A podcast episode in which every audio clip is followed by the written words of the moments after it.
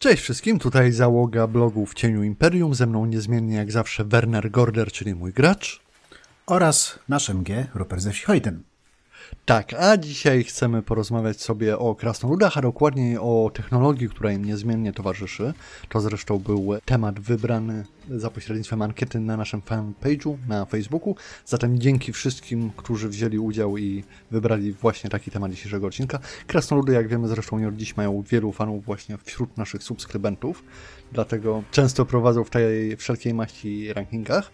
No ale tyle słowem wstępu, przejdźmy do samej kwestii technologii kwestia krasnoludów i technologii jest czymś, co tak naprawdę wiąże się z nimi niemalże nierozerwalnie i to nie tylko w Warhammerze, ale w zasadzie chyba we wszystkich uniwersach fantazy, jakie teraz tak kojarzę. I w zasadzie ma swoje źródła w mitologii, bo jeszcze w mitologiach nordyckich krasnoludy były odpowiedzialne za tworzenie tych wszystkich legendarnych artefaktów, czy to była tam włócznia Odyna, czy młot tego typu rzeczy w tych wszystkich e, legendach nordyckich. Właśnie jakieś tam krasnoludy, które gdzieś tam się kryły, tworzyły te wszystkie magiczne artefakty, które dostępne było tylko bogom. No i to w jakiś tam sposób, prawda, przeszło i dalej im towarzyszy, w sensie krasnoludom.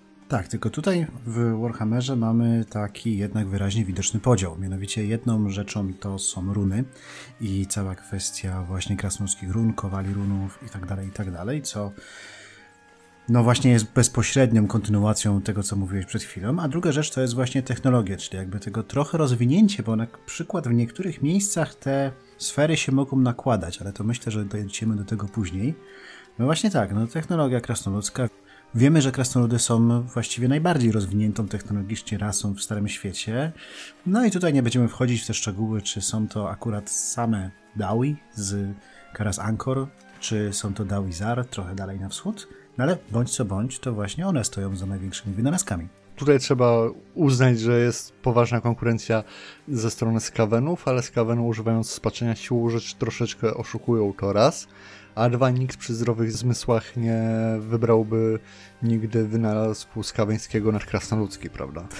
Więc tak, żeby tutaj fanowie skawenów też wiedzieli, że tak pamiętamy o nich, ale mimo wszystko w takich uczciwych konkursach one nie do końca mogą brać udział, prawda?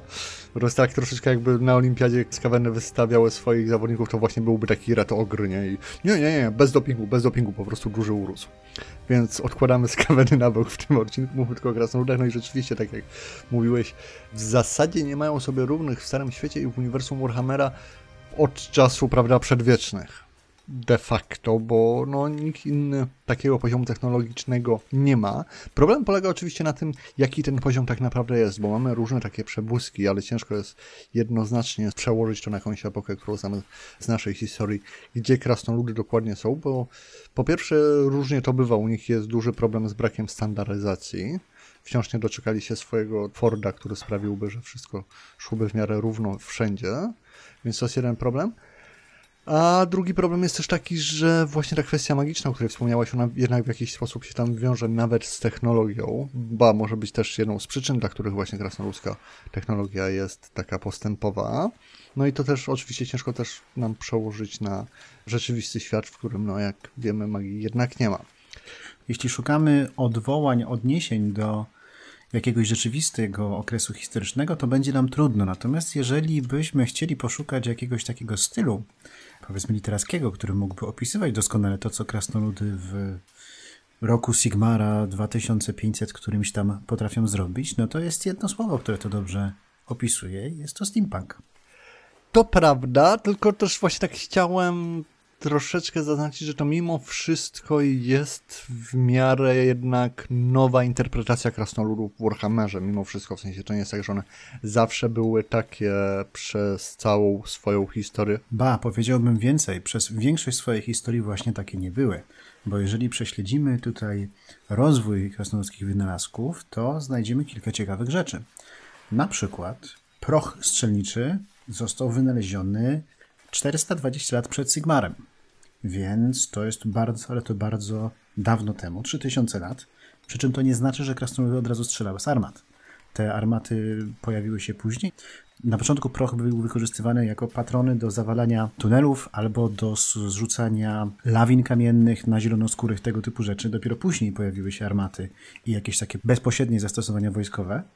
Ale już na przykład silnik parowy wiemy doskonale, że krasnoludy wynalazły go w roku 1022.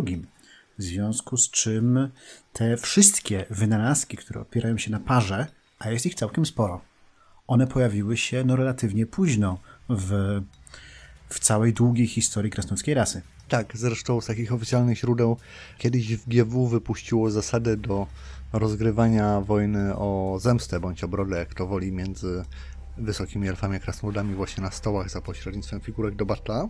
Tam były wprowadzone dodatkowe zasady i właśnie w armii krasnoludzkiej nie było możliwości brania ani żadnej bro broni strzeleckiej prochowej, ani żadnych dział, organek, tego typu rzeczy. Za to oczywiście budżet na wszelkiej maści runy i magiczne przedmioty był zdecydowanie większy.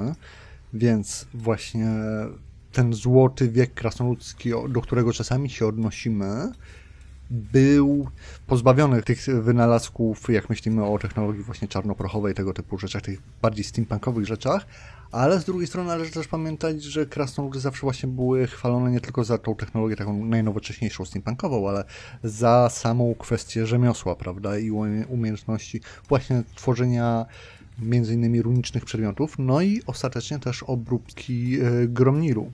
To jest metal prawdopodobnie pochodzący z meteorytów, który jest wyjątkowo trwały i krasnoludy chyba jako jedyne w uniwersum tak naprawdę mają sposoby, żeby go opracowywać. Więc to też jest jakaś, prawda, zdobycz technologiczna, bo to łatwo jest myśleć nam o technologii w sensie czegoś, co się rusza, właśnie kotły parowe, trybiki i tak dalej, no ale pamiętajmy też, że właśnie to krasnoludy przedstawiły sposób wytwarzania stali ludziom. I to jest wielkie, prawda, osiągnięcie technologiczne samo w sobie. Tak, natomiast e, czas, który upłynął od momentu, kiedy one to odkryły, opracowały, dopracowały, a podzieliły się częścią swojej wiedzy na ten temat z ludźmi, bo to nie jest tak, że wszystko ludziom przekazały, mhm. jest ogromny. Wróćmy do prochu. Jeżeli proch został wynaleziony 420 lat przez Sigmarem, przez przypadek swoją drogą, to pierwsze wynalezienie prochu skończyło się wielkim wybuchem w Karazakarak, to wiedza na temat prochu została przekazana przez krasnoludy z Karas Ankor prawie 2,5 tysiąca lat później, bo to jest rok 1991. Y, to jest bardzo duża różnica tego, ile sekretów krasnoludy jeszcze zachowały cały czas dla siebie. Powiedziałeś, Gromnir, jak najbardziej. Ja się zastanawiam, czy na przykład połowa tych wynalazków, dajmy na to późniejszych, dajmy na to żyrokoptery, które mają mieć jakieś bardzo efektywne silniki i tak dalej, czy one może przypadkiem nie są budowane z jakichś stopów Gromrilu. To jest oczywiście moja tylko interpretacja, ale jest to, jeżeli jest to najbardziej wytrzymały metal na świecie, o tym niby wiemy, i krasnoludy posiadły wszystkie tajemnice obróbki go i mają też jednak latające maszyny parowe, bądź co bądź, no to może na przykład te silniki, te małe kotły tych maszyn parowych, oprócz tego, że działają na specjalny węgiel, bo to jest specjalnie wysokoenergetyczny węgiel, to może jednak właśnie też są zrobione właśnie z tego typu metali. Jest to z pewnością jedno z uzasadnień, chociaż ja osobiście się trzymam swojej wersji, że tak naprawdę te wszystkie wynalazki technologiczne krasnoludzkie są również wsparte magią runiczną, która zapewnia to, że są w stanie robić rzeczy i wytrzymywać rzeczy, których bez tego nie byłyby w stanie robić. E, zresztą jest taki mały precedens ku temu, ponieważ bodajże w trzeciej edycji jeszcze Batla, jak są krasnoludy opisane, to właśnie są opisane e, maszyny oblężnicze i jest też opis czegoś, co się nazywa maszyny oblężnicze od krasnoludzkiej gildii inżynierów, gdzie część tych maszyn jest taka sama, więc tam wszelkiego rodzaju tam katapulty czy both throwery i tak dalej, które znamy ze stołów. No, część to są oczywiście te wyjątkowe krasnoludzkie osiągnięcia jak organki czy działo ogniowe, i jest tam właśnie zapisane, że Krasnoludzka Gildia Inżynierów wykorzystuje runy i dzięki temu to jakby jest lepsze. Zresztą wiemy też przecież ze wszystkich armii booków, że na maszynach oblężniczych można dawać runę z perspektywy zasad Batla i są to runy, które potrafią właśnie takie czysto techniczne aspekty użytkowania danej maszyny poprawiać, prawda, że one tam w realiach, wiadomo, bitewniaka to zwykle chodzi o to, żeby to albo było celniejsze, albo żeby nie wybuchało tak chętnie, no ale zakładamy, że w jakimś tam prawdziwym świecie, no to szereg tych run, które są jakimiś de facto atestami bezpieczeństwa czy sprawności, bo to gwarantują z racji tego, że są, może być znacząco większy, prawda? Znaczy, wiesz co, ja nie mówię, że nie, to wiesz, jeden drugiemu nie przeczy, natomiast e, jeśli miałbym ja przytoczyć przykład właśnie współpracy pomiędzy innym inżynierów, a czy tam poszczególnymi inżynierami, a kowalami runów, no to podałbym właśnie runicznych strażników, którzy byli takimi, którzy są takimi urządzeniami, które zbudowane są właśnie z przekładni, zawiasów, tego typu rzeczy, ale wprawione w ruch są przez mistrzowską runę chodzenia, w związku z czym w pewnym sensie właśnie ta runa i ta magia je napędza, pewnym sensie. Więc ta magia runiczna je napędza, ale jednak nadal są urządzeniami. One zastąpiły wcześniejsze golemy budowane tylko i wyłącznie wcześniej przez e, Wajrunów. E, tak, zresztą to tak ładnie się nawet splata z tym, prawda, jak czytamy o przedwiecznych, o bramach chaosu i tak dalej, to oni zawsze właśnie byli przedstawiani jako ten poziom technologiczny, gdzie magia i technologia niejako się zlewały w jedno i było tym samym, prawda, bo oni byli tak bardzo zaawansowani i fajnie jest jak mamy to przedstawione właśnie w formie krasnoludzkiej, gdzie no siłą rzeczy jest to dużo bardziej prymitywne, bo krasnoludy nie mają tam statków kosmicznych, tylko jeszcze. Jeszcze właśnie, z tego co wiemy, to też kolejna rzecz, ale wiesz, powiedzmy, że relatywnie proste urządzenia, które właśnie są wspierane przez magię i dają właśnie szansę na tworzenie tych rzeczy steampunkowych. Mi się podoba to, że właśnie historycznie to jest tak, że wtedy, kiedy był ten złoty wiek krasnoludów przed Wielką Wojną z elfami, to ta cała ich, powiedzmy, siła i potęga opierała się właśnie w dużej mierze na runach. Nie było tej jeszcze technologii, przynajmniej takiej ruchomej, steampunkowej, nazwijmy to. Była tam jakaś technologia, wiadomo, wytopu stali, czy w ogóle wytwarzania przedmiotów i materiałów. I to są też takie krasnoludy, które były jakby na początku przedstawiane, czy to w ogóle w Warhammerze, czy fantazy, prawda? Gdzie to byli dobrzy rzemieślnicy, ale nie myśleliśmy o nich jako mechanikach de facto. Natomiast po w zasadzie upadku po tej Wielkiej Wojnie, po tych wszystkich wojnach z goblinami, po kolejnych inwazjach chaosu, gdzie wiemy, że krasnoludy są upadającą rasą e, z coraz mniejszą populacją, no to właśnie starają się jakby utrzymać dzięki tym swoim umiejętnościom, prawda, technicznym i technologicznym i łączeniu technologii z magią, gdzie właśnie mają tych strażników, mają inne machiny wojenne, o których za chwilę pewnie coś jeszcze powiemy. I to też jest fajne, że tak się to też zmieniało łącznie z edycjami niejako Warhammera. Głównie mówię tutaj o Battle'u.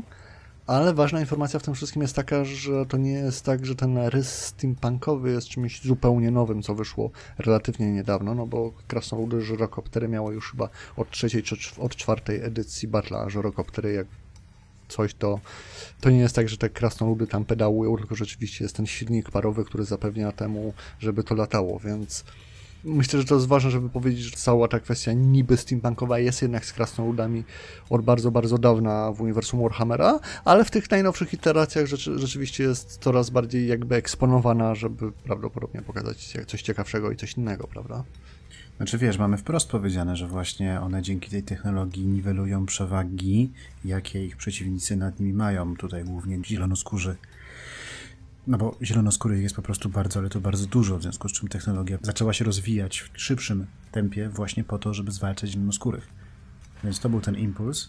A jeśli chodzi o ten steampunk, no to wiesz, no, ta trzecia edycja Battle'a, no to wiesz, to jest przełom lat 80., 90., mieliśmy tam tych Slayerów z włosami postanowionymi na żelu, tych tancerzy wojny, którzy też są takim odpowiednikiem punków.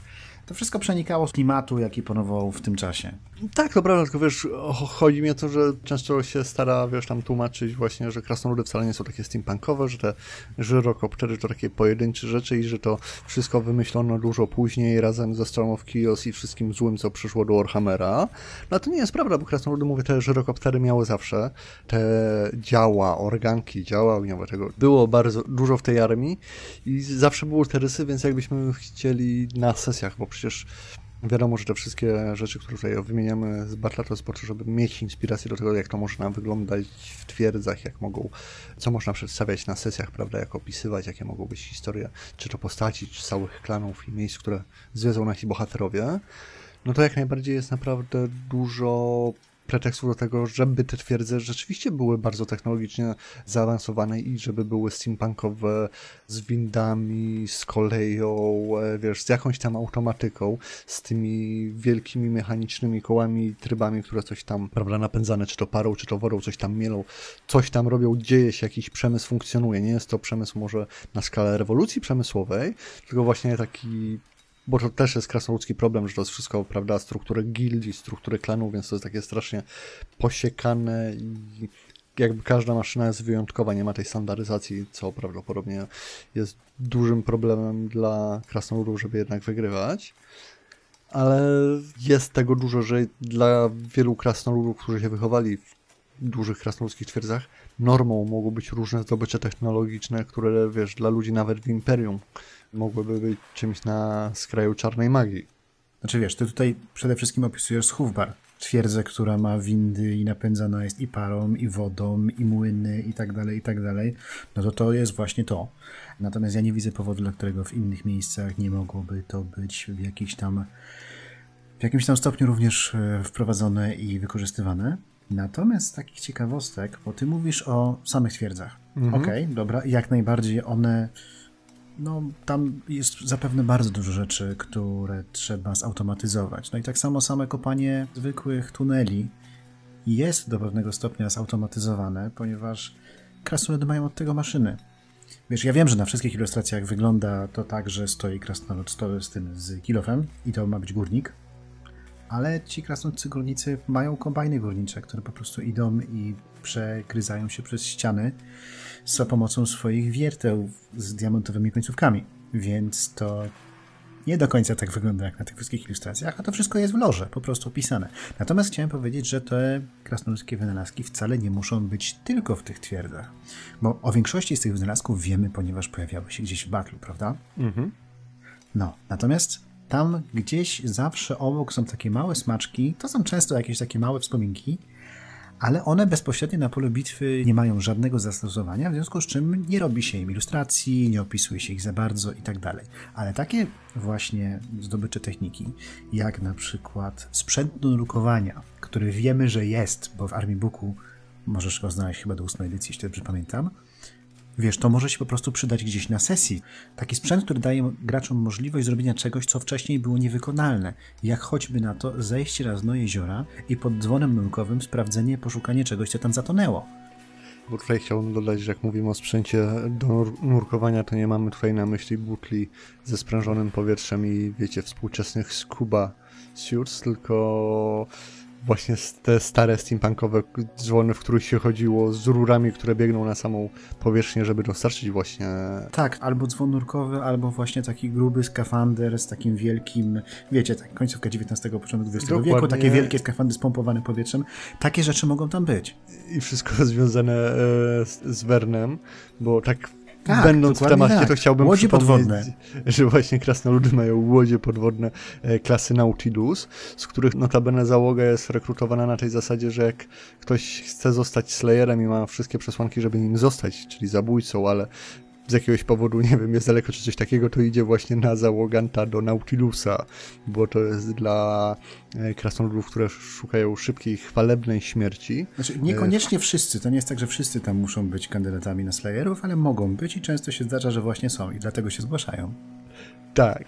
Dzięki grze Manowar wiemy, że właśnie krasnoludy dysponują takim pięknym wynalazkiem jak Nautilus, no i właśnie jeszcze z tymi dzwonami, więc tak. No nie tylko A propos tam. właśnie też Dokładnie.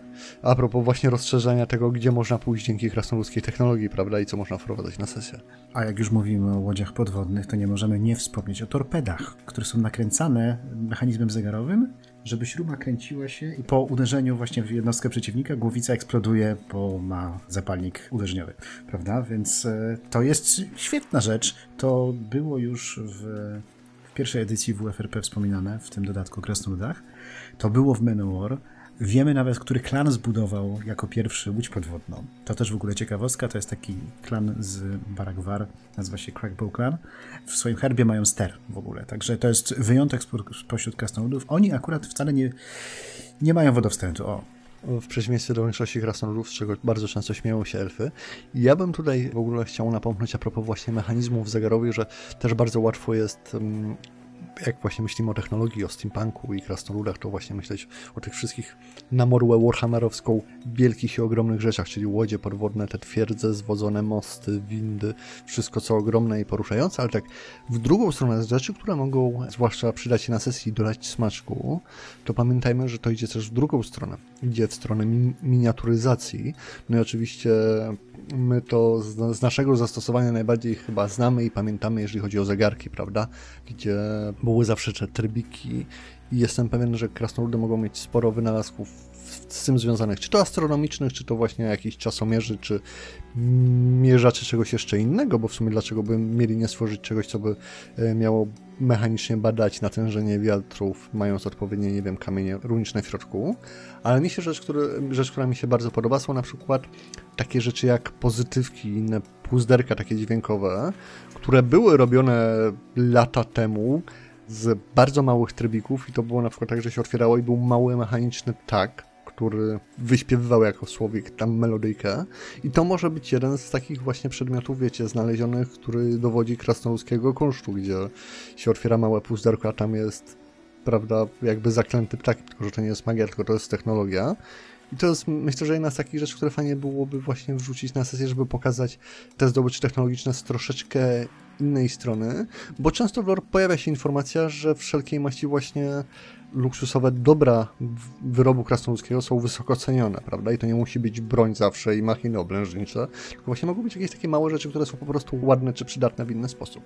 Wiesz, ja bym to podkręcił jeszcze na 11 i mhm. na przykład zrobił jakieś takie mechanizmy nakręcane, które potrafią się same poruszać. Kojarzysz Big Doga z Boston Dynamics, prawda? Mm-hmm. To teraz wyobraź sobie coś podobnego. Oczywiście nie skaczącego samego, nie inteligentnego, nie wyczuwającego przeszkody, nie omijającego, ale w prostej linii. Budujesz taką maszynę, nakręcasz ją i ona idzie. Dajmy na to z ładunkiem urobku węgla, czy innego tam, czy innego tam e, rudy, którą właśnie wydobywają z kopalni. Ewentualnie niesie bombę prosto na przeciwnika. Prosto. W linii prostej. Takie nakręcone coś. Tutaj naprawdę można wodze wyobraźni opuścić bardzo i no dużo ciekawych rzeczy wymyślić w tym kierunku. Zdecydowanie tak. No i właśnie myślę, że fajne by było, gdyby w, wrzucać na sesję, wiesz, krasnolud, dla których te zdobycze technologiczne są tak bardzo oczywiste, że że, że, to że nawet nie warto, żeby oni o tym opowiadali, bo to, to tak, no, tak, no, no, tak, no, windy i tak dalej. I rzeczywiście tam jeszcze jedna z takich rzeczy, które widziałem, strasznie mi się spodobały, i kiedyś to było bardzo modne, to jest kwestia konstrukcji e, mebli wszelkiej formy i maści z sekretarzyków, czy toaletek też w takim wydaniu, gdzie ma to mnóstwo poukrywanych różnych szufladek, puzderek i tak dalej, a samo wygląda jak coś innego, wiesz, więc są na przykład sekretarzyki, które wyglądają jak fasada pałacu, gdzie za każdym okienkiem, każdym balkonikiem tak naprawdę kryje się jakaś skrytka, z czego połowa tych szufladek jest poukrywana i trzeba jakoś skrzętnie umieć nacisnąć to i tamto w odpowiedni sposób, żeby to się otworzyło, co zaczyna wyglądać jak e, tak naprawdę zagadki w niektórych grach przygodowych jeszcze tych starych. I to myślę, że też może być fajna rzecz właśnie do wprowadzenia, wiesz, na sesję, gdzie na przykład babka trzyma klucze w starym krasnoludzkim kredensie. Problem polega na tym, że żeby się dostać do krasnoludzkiego kredensu, to trzeba mieć naprawdę łeb na karku, a wcale nie jest go łatwo otworzyć też, nie wiem, siekierą czy czymś takim, bo to jest cholerstwo wytrzymałe i przemyślane. No dokładnie, dokładnie. Plus jeszcze, tak ci się przyznam, cały czas mi chodzi po głowie taki pomysł, żeby zrobić e, kiedyś sesję w klimacie Dustbot dla drużyny z samych krasnoludów, którzy siedzą w łodzi podwodnej Nautilus. Nautilus. No, także wiesz, pomysłów tutaj jest masa. No ale tak, jeszcze wracając do samej kwestii tej technologii, no bo mówiliśmy tutaj o tym, że ona jest rozwinięta, ale ten rozwój tej technologii trwa tysiące lat. I głównym taką rzeczą, która hamuje rozwój tej technologii i sprawia, że właśnie tyle czasu zajmuje, zanim pojawi się jakiś wynalazek, a zostanie w jakiś tam sposób upowszechniony, jest to, że mamy z jednej strony właśnie gildię inżynierów, która podchodzi do tego bardzo, ale to bardzo konserwatywnie. A druga rzecz to jest właśnie to, że praktycznie każdy z tych inżynierów, czy tam każdy zamawiający, jest właścicielem tego konkretnego wynalazku, w związku z czym one w żaden sposób nie są standaryzowane. Nadal jednak w tym wszystkim ja mam tutaj pewien problem z tym, mhm. ponieważ, okej, okay, rozumiem, na pierwszy rzut oka to są logiczne wyjaśnienia, ale bądź co bądź, mamy masę tych inżynierów, którzy zostają wyrzuceni z gildii właśnie za to, że mają zbyt ambitne pomysły, że coś nie zadziałało i tak dalej. Jak myślisz, dlaczego ta wiedza jednak nie szerzy się szybciej? Zwłaszcza wśród ludzi później. Wiesz co, mi się też wydaje, że tak naprawdę jest dużo tych podziałów, że po pierwsze to pomijając samą gildię i jej zasady, to tak naprawdę jeszcze będzie podział e, sam klanowy i podział pomiędzy poszczególnymi twierdzami. I wydaje mi się, że to jest problem krasnoludzki, gdzie rzeczy się nigdy nie robi. Kolektywizm, wydaje mi się, mógłby uratować krasnoludy, ale generalnie to jest tak, że wydaje mi się, że wiesz, nigdy się nie robi rzeczy dla całej twierdzy, czy dla wszystkich krasnoludów, tylko niejako robisz zawsze, wiesz, dla swojej linii w klanie, dla swojego klanu i zawsze, wiesz, jak masz młodego, ambitnego krasnoluda, który chce zrobić coś ważniejszego dla dobra rasy krasnoludzkiej, to starszy właśnie albo jego ojciec, albo przywódca jego klanu, jakiś Tain, albo ktoś właśnie przywódca całej twierdzy, zawsze będzie starał się to hamować i jakby zamykać. I wydaje mi się, że to może być też w ten sposób, że wiesz, możesz mieć krasnoludy, dla których oczywistą rzeczą po prostu jest fakt, że do twierdzy obok się lata żyrokopterem, bo tak jest szybciej, bo po to je mamy, więc zamiast iść trzy dni, wiesz, górami, dolinami uważać na orki, całą resztę, to się po prostu trzy godziny leci żyrokopterem i to jest po prostu oczywiste jak to, gdzie jest wychodek a z drugiej strony, wiesz, w innej twierdzy masz krasnoludy, dla których normalna jest, nie wiem, kolej podziemna, ale w życiu nie widziało żyrokoptera i nawet nie wiedzą, że są. Wydaje mi się, że to może być tak, jak jeszcze e, Gibson mówił, że wiesz, przyszłość już jest tutaj, tylko nie jest równomiernie rozłożona. Wiesz, inaczej wygląda Dubaj, inaczej wygląda Hongkong, a inaczej wyglądają, nie wiem, jakieś tam e, syberyjskie stepy w małej wiosce i dostępność różnych rzeczy jest ogromna w zależności od tego, gdzie jesteś i kim jesteś, prawda? Wiadomo, że my w dzisiejszym czasie mamy dużo większy i szerszy dostęp do informacji, a wydaje mi się, że właśnie w krasnoludach, żeby to miało jakiś sens, to trzeba to przedstawić na tej zasadzie, że to zawsze jest właśnie tak bardzo zamknięte, że każdy tylko patrzy na swoje i z jednej strony nie chce pokazywać innym, a z drugiej strony krasnoludy najwyraźniej nie powinny być za bardzo wścibskie i dlatego wydaje mi się, że właśnie co pójdziesz do krasnoludzkiej twierdzy, to tam może być, wiesz, troszeczkę inny klimat, troszeczkę inne obyczaje i troszeczkę inne zdobycze technologiczne i co innego będzie normalne, bo tak jak tutaj wspominaliśmy o Zufbar, no to jednak jest to główna siedziba e, Gildii Inżynier Inżynieryjnej Krasnoludów, to oni stworzyli pierwsze działa, więc wiadomo, że to jest jakby ta najbardziej technologicznie ogólnie zaawansowana twierdza, ale to nie znaczy, że nie możemy mieć innych twierdz na uboczu, które na przykład ogólnego postępu technologicznego nie mają tak wysokiego, ale w jakiejś dziedzinie mogą się dużo bardziej specjalizować, tak? A z pewnością możemy też mieć yy, twierdze, które, wiesz, w ogóle jeszcze tej technologii tak bardzo nie przyjęły, ale na przykład, nie wiem, e, kwestia magii runicznej lepiej się trzyma niż, że tak powiem, jakbyśmy wzięli pod uwagę średnią krasnoludzką, prawda, i przypadające runy na, nie wiem, metr kwadratowy brody, czy jak to się tam liczy. Wiesz co, no ja generalnie nadal mnie to nie do końca przekonuje. Ja uważam, że tutaj jednak jest trochę luka, ale to nie zmienia faktu, że tą lukę można sobie zapełnić w swój własny sposób. Może taki, wiesz, wyrzucony z gildii inżynier jest jednak uważany za wariata. Może gildia rozpuszcza tego rodzaju plotki, żeby go nikt przypadkiem na dworach ludzkich nie przyjmował, bo to parias i tak dalej, i tak dalej więc może to, a może jeszcze jakieś inne powody.